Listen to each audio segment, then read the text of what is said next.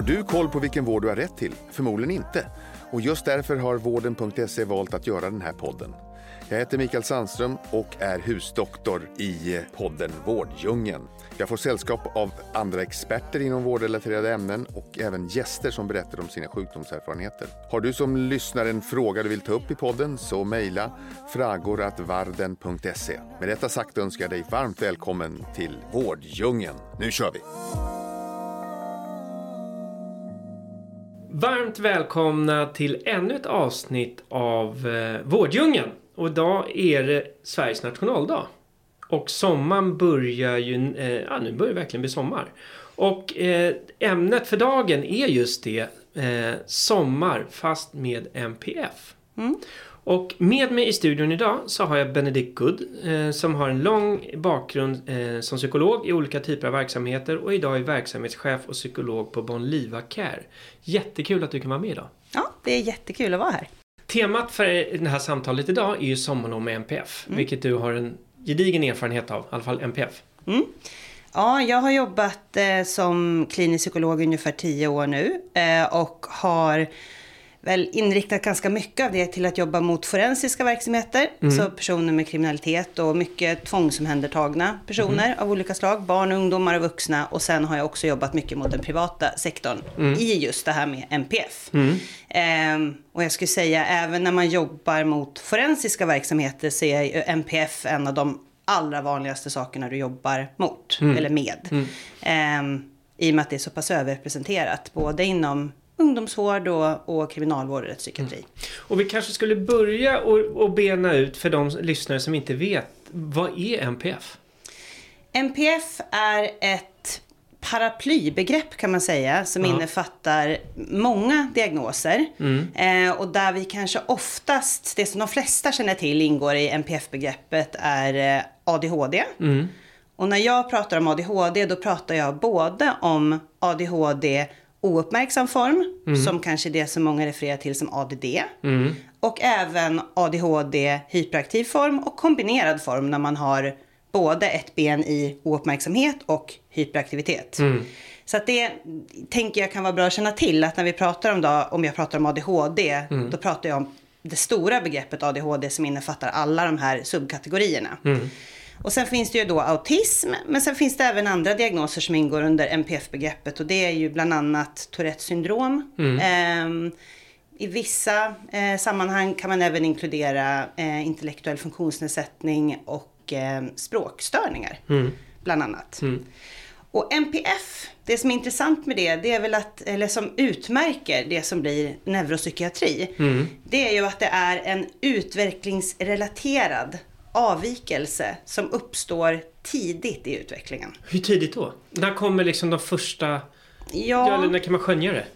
Skönja ska du i princip kunna göra från födseln. Jaha. Eh, men många gånger så har ju den här, och när jag säger avvikelse så är det ju inte en, en avvikelse som i dess negativa form, utan jag tänker att det kanske snarare handlar om att man fungerar lite annorlunda än de allra flesta, än majoriteten. Men det är ju ofta i moderlivet, alltså när du ligger i magen, som ja, förutsättningarna för om du ska utveckla en PF eller inte bestäms. Och, och vet man vad det är som kan trigga det redan då? Är det liksom, är det... Ja, det är ju i de allra flesta fall är det genetik. Ja, det var det jag Eh, tänkte. Ja. Det är ju det allra vanligaste. Eh, sen är det ju så att till exempel i samband med födsel så är det, kan det ju uppstå komplikationer som leder till exempelvis syrebrist eller någonting annat som gör att du kan eh, utveckla en NPF i födelseögonblicket. Sen finns det ju även ett samband mellan miljöfaktorer och arvsfaktorer. Jag skulle säga att arv är den absolut tyngsta komponenten. Men sen kan ju den där sårbarheten liksom eldas på eller dämpas lite beroende på miljön man växer upp i. Eh, och andra omständigheter förstås. Och nu är det ju snart sommar eh, och då sitter ju många och kanske har eller ska planera sin semester. Eh, och mig veteligen, många gånger när man bryter normala rutiner och mönster, det, det kan ju utmaningar i sig. Men, men vad kan det uppstå för utmaningar om man har, till exempel har ett barn med NPF-diagnos eller en förälder för den delen? Liksom, hur, hur kan det pusslet se ut eller vilka utmaningar kan man stå inför? Ja, ganska många skulle jag vilja Ja. säga. och jag tänker att alla som har barn eh, kan nog känna igen sig i att det är lite med utmaningar överhuvudtaget med sommarlov. Mm. Med väldigt mycket tid, man ska planera ihop så att det funkar med Väldigt semestrar. många veckor utan omsorg. Precis, det är väldigt många veckor utan omsorg och du ska få ihop det här och det blir lösningar och sådär. Och jag kan känna, jag hör ju det även i liksom mina egna vänskapsgrupper, att det är många som liksom tar mental sats inför sommarlovet. Att nu pff, ska jag liksom orka med det här också. Ja. När man har barn eller då är vuxen själv med NPF så blir det ju lite särskilda eh, saker man behöver ta hänsyn till. Och här skiljer det sig ganska mycket åt om man pratar om ADHD eller om man pratar om autism exempelvis. Om man tänker sig en person som har en autism så är det ju väldigt viktigt med förutsägbarhet. Att man vet vad man kan förvänta sig. Att det finns en tydlig struktur och tydliga rutiner i vardagen. Inget ad hoc och spontanitet på det Nej, sättet. precis. Och här är ju själva utmaningen med sommarlov. För skolan, har man en fungerande skolgång, har man någonting man går till och där det funkar något sånär bra, så upplevs ju skolan ofta som en trygghet. Det är samma schema hela tiden, varje vecka. Det är samma lärare som har samma ämne. Man går i samma klass och man vet vad man kan förvänta sig. Och man vet hur en, en, en skoldag ser ut.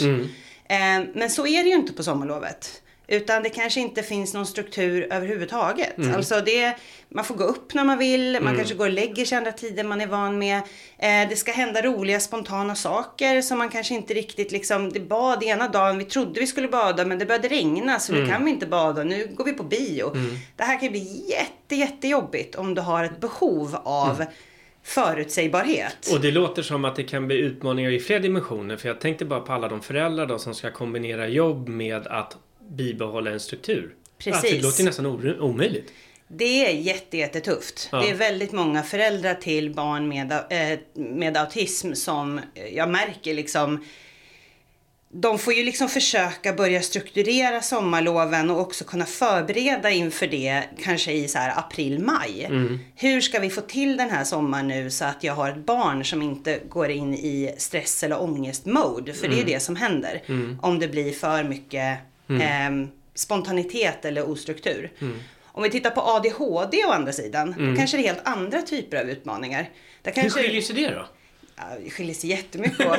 alltså, jag tänker så här, om du har ADHD då kanske det snarare handlar om att du har ett barn som ehm, vill att det ska hända något hela tiden. Eh, där skolan kanske fyller funktionen av att, för jag menar, en person med ADHD har också ett jättestort behov av struktur, och organisation och rutiner och så vidare. För att det ska bli inkapslat och bra och man ska liksom känna att man har kontroll på dagen. Den här fantastiska möjligheten av ingen struktur överhuvudtaget gör ju att man vill göra allt, gärna. Eh, och det kan bli jättekul och där handlar det ju kanske snarare om att ha föräldrar som känner hur ska jag orka med det här tempot? Hela sommaren. Eh, för hur vi än gör så kan vi inte stimulera tillräckligt mycket. Eh, har du någon som ligger mer åt ADD-hållet då? Då kanske det snarare är men nu när vi inte har någonting att gå till idag, hur ska jag kickstarta mitt barn? Som bara vill sitta här nu och inte göra något mer fastän solen lyser och vi vill gå iväg. Så det, det är helt olika utmaningar beroende på vilken diagnos vi pratar om. Men om, om du skulle ge något tips, för så jag har förstått det att flest diagnoser finns väl inom ADHD? Det är, eller Ja. är det jämnt fördelat? Liksom, vad, vad finns det största barngruppen? Det är inte jättestora skillnader. Man Nej. brukar säga ungefär kanske en 5-7% Ja. av barnen har ADHD. Ja. Och det kanske ligger runt en, ja, i runda svängar 3% Mm. som ligger på, inom autismspektrat. Mm. Eh, så det är inga gigantiska skillnader, men det är ju fler ADHD än autism. Mm. Det vet vi. Men, men vad, skulle du, vad skulle du ge för tips till, tänk dig en familj där en eller fler har ADHD. Liksom, hur, hur ska de få sommaren att gå ihop? Ehm, det finns ju jättemycket saker man kan göra. Ja. Om vi tänker ju specifikt för ADHD Ja. ehm, så kan det ju vara att man ehm, försöker skapa en struktur. Att man bestämmer liksom att vi ändå har, naturligtvis ska man få sovmorgon men vi försöker upprätta en inre struktur. Och det här som du nämner nu är ju väldigt viktigt. För ofta är det ju så att har du en person med ADHD i familjen så är det ju inte osannolikt att det Nej. finns någon annan med ADHD i familjen också. Är det två personer till exempel som har samma behov och som dessutom fungerar på liknande sätt och är lite, lite le- lediga samtidigt, då är det väl jättebra om de gör aktiviteter ihop. Eh, är det så att det inte rör sig om ledig tid utan att det är personer, ett barn som har ADHD med en förälder som sitter och jobbar hemma och försöker få ihop det. Det handlar nog väldigt mycket om att hitta stimulans. Men också balansera den där stimulansen med återhämtning. Och här kan det ju bli känsligt för för många är ju återhämtning, det här har jag hört väldigt mycket bland föräldrar som säger att den enda gången min unge blir lugn det är framför en skärm. Och där har vi ju någon form av så här inre kamp med oss själva vi föräldrar och tänker nej jag vill inte sätta mitt barn framför skärmen. Det har vi hemma ganska ofta. Ja, det är en vi ganska har en, jobbig. en 11-årig kille. Och han vill gärna spela så mycket han bara kan. Ja. Ja. Och jag tänker det gäller att hitta en balans. Ja. För vi måste samtidigt förstå att barn som inte själva kan stoppa på sin, trycka på sin egen stoppknapp Mm. kanske faktiskt har behov i större utsträckning att få gå in i de här sammanhangen där det kan bli lugnt. Mm. Så att jag tänker vi ska inte tänka på skärmar som enbart onda. Eh, det ska finnas en balans naturligtvis. Det får inte vara det enda man gör. Det kan trigga andra typer av beteenden som inte är bra eller beroenden. Eh, men vi ska samtidigt inte heller se det som bara ondo. Framför allt inte för barn med NPF. För det kan vara en möjlighet att få komma ner i tempo och lugna sig. Men finns det hjälp och stöd man kan få eller förväntar sig att man ska klara det här själv som familj? Ehm, Det finns ju mycket hjälp och stöd att få. Eh, Vi lever ju i en verklighet där det inte alltid är jättelätt att få hjälp och stöd snabbt. Nej. Dessvärre. Eh, har man väl kommit in i vården dock så finns det ju eh, massor att få. Det finns ju en habilitering som kan hjälpa till med ja, alltså hjälpmedel eh, som kan vara bra att ha hemma. Eh, allt från Ja, nu tror jag i och för sig inte att man får ha tyngdtecken längre av habiliteringen men, men tidigare var det så att man kunde få till exempel sånt för att just kunna få till en nattsömn som funkar bättre eller kunna sitta mer stilla. Eh, tidhjälpmedel. Du har ju eh, naturligtvis möjlighet till föräldrastöd. Eh, barn ska ju också ha rätt till, och vuxna med för den delen, för insatser kopplade till just diagnosen i samtal och annat. Så stöd finns ju, men rent krast om du står där mitt framför sommarlovet och du ska fylla de här tio veckorna. Jag menar det är inte så att habiliteringen kan komma och ta över Nej.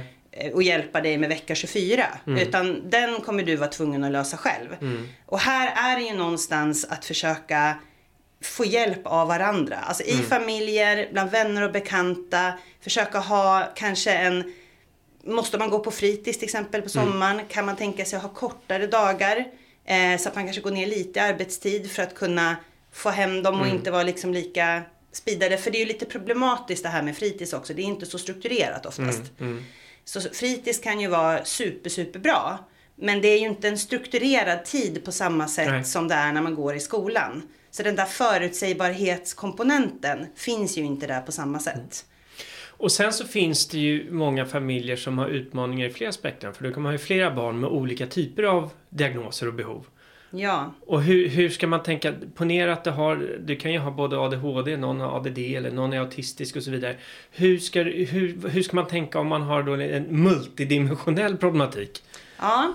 Skitbra fråga, rent ut sagt. Alltså, ja, där för, men tänker det, det är ju vanligt som du det säger. är ju det liksom arvet. realiteten. Ja. Absolut. Vi kan ju börja med att bara konstatera att ungefär 30-40% av alla barn med en autismdiagnos har också ADHD-diagnos.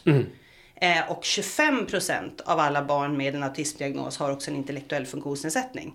Så att jag menar, det är en enorm överlappning. Därtill har vi ju alla de andra psykiatriska eh, diagnoserna som är vanligt förekommande. Ångest, depression, Eh, du kan ha eh, ätstörningar är vanliga. Eh, så det är klart att det, det är ofta inte bara en sak. Nej. Utan det är flera saker man ska Eller ta barn, hänsyn till. olika barn har olika problem. Och det är det också. Utöver då att har ett barn som har flera diagnoser så Ja. har du kanske dessutom ett, eh, ett barn, eller i en familj, två barn med helt olika behov. Mm. Ändra har du en neurotypisk person, ett barn som inte har någon diagnos alls. Mm. Eller så har du kanske två barn med olika diagnoser. Då måste du på något vis få ihop det här Mm. i vardagen. Nej men vi hade tidigare i den här podden så hade vi Peter Björklund och eh, Pusselfamiljen. Eh, och hon, de hade ju så, hon är ju väldigt öppen med det. De hade ju så tufft till och med, för de har olika diagnoser på sina barn. Att de tänkte att nej, men nu har- får vi ha två hem. Mm. Under en period. Men liksom, hur, vad, kan man, vad skulle du ge för råd till en, till en familj där, där man har det här? Vad tror du? Jag tänker att ett, en bra sak att göra. ehm, först och främst är det ju faktiskt att skapa struktur, rutiner och förutsägbarhet. Mm. Så det är en sak som man kan börja med. Att liksom tänka någonstans att vi behöver skapa någonting som inger trygghet till hela familjen. Som vi alla kan förhålla oss efter. Eh, så jag, hur tråkigt det än är att tänka schema eh, och liksom eh, längre planeringar över sommaren där man kan visa att det här tänker vi ska hända nu i den här veckan, den här månaden. Det är ett tips. Att dela på sig är också en bra sak och då menar jag inte skilsmässa. Nej, nej, nej, jag utan jag menar att dela på sig, att faktiskt liksom tänka att så här, vi behöver inte göra allt i hel familj. Nej. Det är helt okej att de här två, har man tur så kanske det är en förälder och ett barn som funkar lite mer lika. Mm. De kan få vara hemma nu när det här andra ADHD-mamman och sonen vill Mm. åka och hoppa eh, från hopptornet på stranden. Mm. Vi behöver inte göra allt som familj. Vi har Nej. en idé om att det är då vi är som lyckligast. Mm. Men i de här familjerna kanske det faktiskt inte är så. Utan vi har olika behov, lyssna in dem istället. Mm. Och försöka anpassa därefter. Låt inte den här bilden av kärnfamiljen stå i vägen för att göra det som faktiskt funkar bäst. Ja, och det där är ju det som är nyckeln. Ja. Vad funkar bäst? Ja. Mm. Vad funkar bäst för det här barnet? Och så försöka anpassa därefter. Sen tänker jag också på det här med att fundera kring olika dagar. Är Mm. det så att du har barn med vitt skilda behov, ja men då kanske man får försöka tänka att liksom, vi bestämmer att under den här sommaren, under den här tiden när vi alla är lediga till exempel, Måndagar, det är Olles dag. Då gör vi sådana saker som Olle tycker om. Även om det innebär att vi sitter hemma bara och gör pärlplattor. Då går vi inte utifrån huset den här dagen, för det är det som behövs. På eh, tisdagar kanske vi till och med har en sån här dag när vi inte bokar in någonting utan bara låter det vara en lugn dag. Onsdagar, då är det Pelles dag. Eh, då får vi åka iväg till badhuset. Eh, och då har man en liksom sån struktur att man har i förväg har bestämt att det här är mamma och pappas dag, det här är en vilodag, det här är din dag, det här är din dag. Då blir det mindre gnäll och det blir lättare att hänvisa till att, men du, vi ska ju göra din grej imorgon. Men idag skulle vi göra det här. Det har vi ju kommit överens om. Viktigt att engagera också tänker jag i den mån det är möjligt barnen i det här. Att man liksom sitter inför sommarlovet och bestämmer. Vad är det ni vill göra den här sommaren? Du vill bada, du vill vara hemma, du vill göra si, gör så. Okej, då tänker vi att av de här tio aktiviteterna ni är så sugna på att göra. Hur kan vi fördela det över det här sommarlovet? Och försöka liksom visa på att vi gör det här den här tisdagen. Mindre tjat leder ju det till. För du kan hela tiden hänvisa till att ja, men vi har ju bestämt att vi ska göra det här. Mm. För det är väl en lätt fälla att hamna i? Tjat, ja. Absolut. Och det är ju inte konstruktivt för Nej. det blir inget bättre. Nej, nej, nej. Eh, och jag, jag kan känna igen i det. Men du, du är verksamhetschef på Boniva Care. Mm. Kan du inte berätta lite om er och er liksom, plats i vårdekosystemet? Jo. Eh, Bonliva Care är ju en privat eh, vårdgivare Ja. som jobbar med neuropsykiatriskt utredningsarbete. Mm. Eh, och nu också alldeles snart, från första juni, kommer vi även jobba med psykologisk behandling. Mm. Både online och eh, IRL Mm. på plats. Mm. Eh, vi har ju en, jobbar väldigt mycket mot regionerna Mm. i nuläget. Så regioner som inte mäktar med sina vårdköer Mm. kan remittera sina patienter som då redan är bedömda vara i behov av Mm. en neuropsykiatrisk utredning till oss. Så man kan säga att ni är med och hjälper till att få den här BUP Ja, verkligen. Ah, systemet att fungera bättre än vad, vad många tycker att det inte gör idag. Där man har Absolut. hört upp till 3-4 års väntetid för att ens Ja. få en bedömning. Ja, vi är ju en, en vårdaktör. Jag tror förra året så tog vi emot eh, ungefär 900 inremisser Mm. eh, på, eh, på ett år. Ehm, och de var ju, jag skulle säga fördelade i alla fall, så att kanske två tredjedelar var barn. Mm. Och det är ju 600 barn i sådana fall som vi har hjälpt att få en utredning. Där de oftast har stått i kö i flera år Mm. och inte kommit någon vart i vården. Nu måste jag fråga dig. Eh, det här har ju pratats om mycket. Att jämföra med när jag var liten. Eller, Mm. Och det, det är många som säger att det, antalet diagnoser har ökat lavinartat. Va, vad kommer det sig? Mår barnen sämre eller är man bättre på att bedöma? Eller... Gud, nu kommer du in på en av mina bästa frågor så jag är så glad att du ställer ja, den. Tack! Nej, men jag tycker inte att jag har fått ett tydligt svar riktigt någon gång. Nej, nu får du ju få mitt svar då. Ja. Så har inte jag liksom... Nej, men det, eh, ja. ja det här, du, du är den experten jag, som är närmast till hands just nu. Ja, precis. Ja, men det känns bra att höra. Nej, men jag tänker så här. Jag tror att vi har haft samma unga nu som vi alltid har haft. Mm. Ehm, jag tror att det vi ser idag är samma sak som eh, alltid har funnits. Mm. Men jag tror att vi har snävat av eh, hur samhället ser ut. Mm. Jag tror att vi genom att eh, avkräva att alla ska gå ja, först då nio år, men nu är det ju mer eller mindre ett obligatorium att gå gymnasie också. Mm. Och där vi har tagit bort lärlingssystem, mm. där vi har eh, infört eh, liksom, utbildningskrav eh, för att kunna bli exempelvis hantverkare. Mm. Genom att hela tiden göra alltihopa studie vad ska man säga, studierelaterat. Du måste gå igenom olika grader av utbildning för att mm. komma någon vart. Och vi har högre och högre krav på oss, liksom att vi ska klara av att sitta vid datorer. Vi ska kunna mm. leta upp vår egen information. Vi ska vara källkritiska. Vi ska helst inte ha några kursböcker. Nej. För vi ska kunna söka vår egen information via the world wide web. Mm. Det här är katastrof för barn med exekutiva svårigheter. Nej men för jag blir så fascinerad för min 11-åring kom hem och berättade att nej men vi har workshops nu så vi ska göra eget arbete. Att när jag var 11 år, jag var ju glad om jag bara kunde sitta kvar på stolen. Ja, men det är ju alltså, det. det är en helt annan typ av undervisning. Och det här funkar inte. Du, har liksom, du ska ju också kunna klara av att inte ha, du ska ha lärarhandledda lektioner. Mm. Eh, så jag tror egentligen inte att ungarna är något annorlunda idag än vad de var förr. Mm. Men vi ställer orimliga krav på dem. Mm. Eh, vilket gör att de här svårigheterna som kanske gick att maskera eller hitta andra vägar. Eller bara kunde åka med. Ja, eller för den delen ja. då att du liksom var okej okay att inte gå ut, gå gymnasiet. Utan mm. för du började gå in på pappas snickeri istället mm. och det gick skitbra. Mm. Eh, i och med att vi nu också då säger att nej men du ska kunna hitta dina egna vägar, du ska söka din egen information, du ska kunna få en instruktion av en lärare och sen ta eget initiativ till att lösa den här uppgiften som är skriv om vilket eh, historieprojekt du vill mm. i världshistorien mm. eh, och leta din egen information.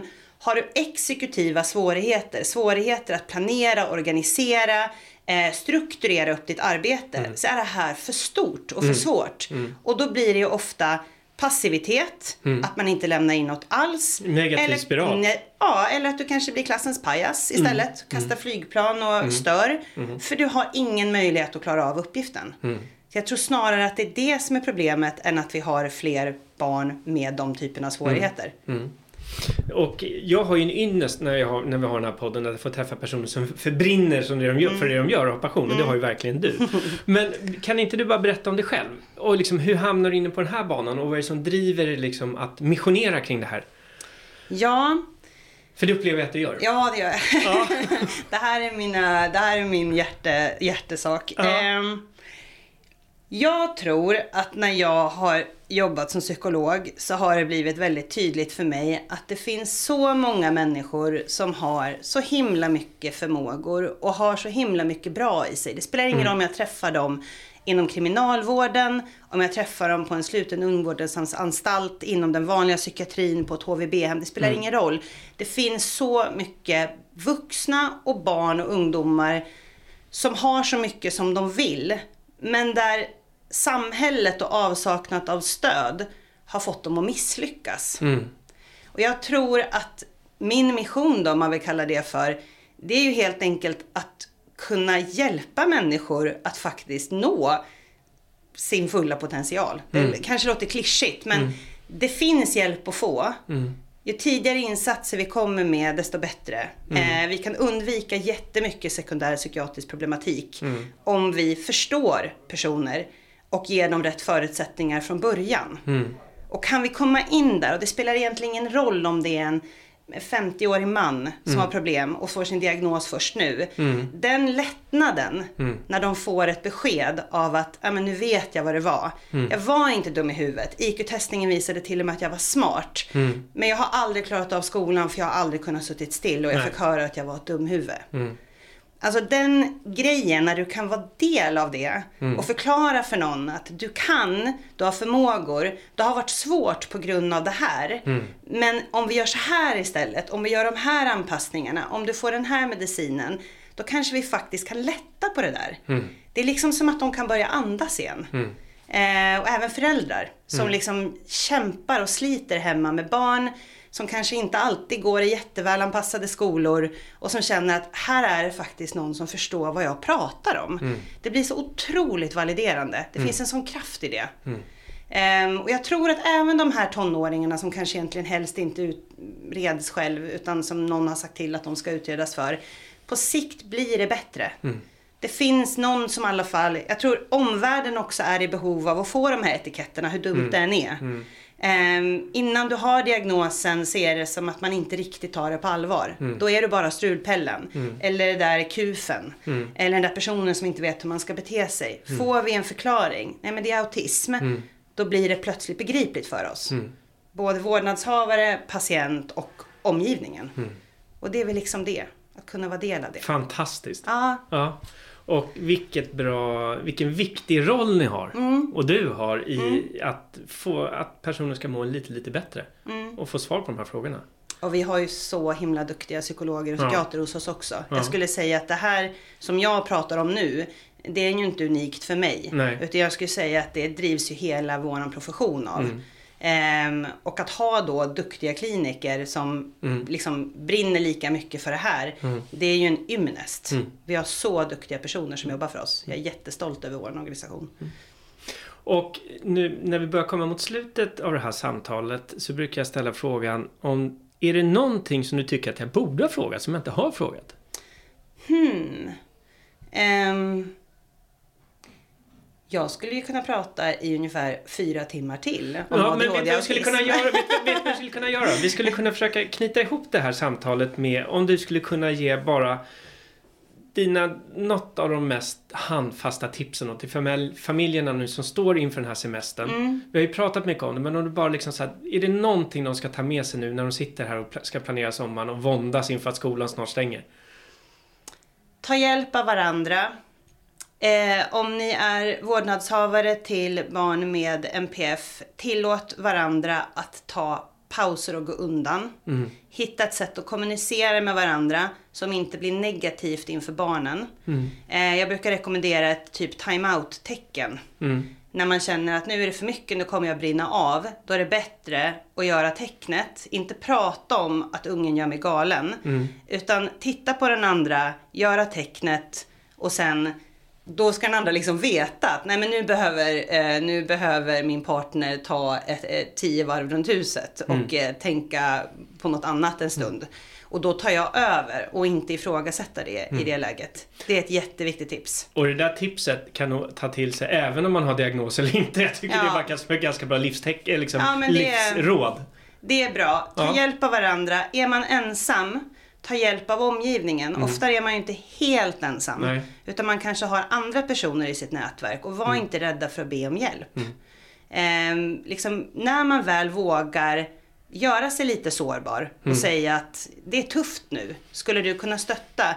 Då är oftast de här personerna där för en. Det handlar ju liksom någonstans om att också våga visa sin egen sårbarhet. Och det, att be om hjälp är inte fult. Mm. Det är någonting bra.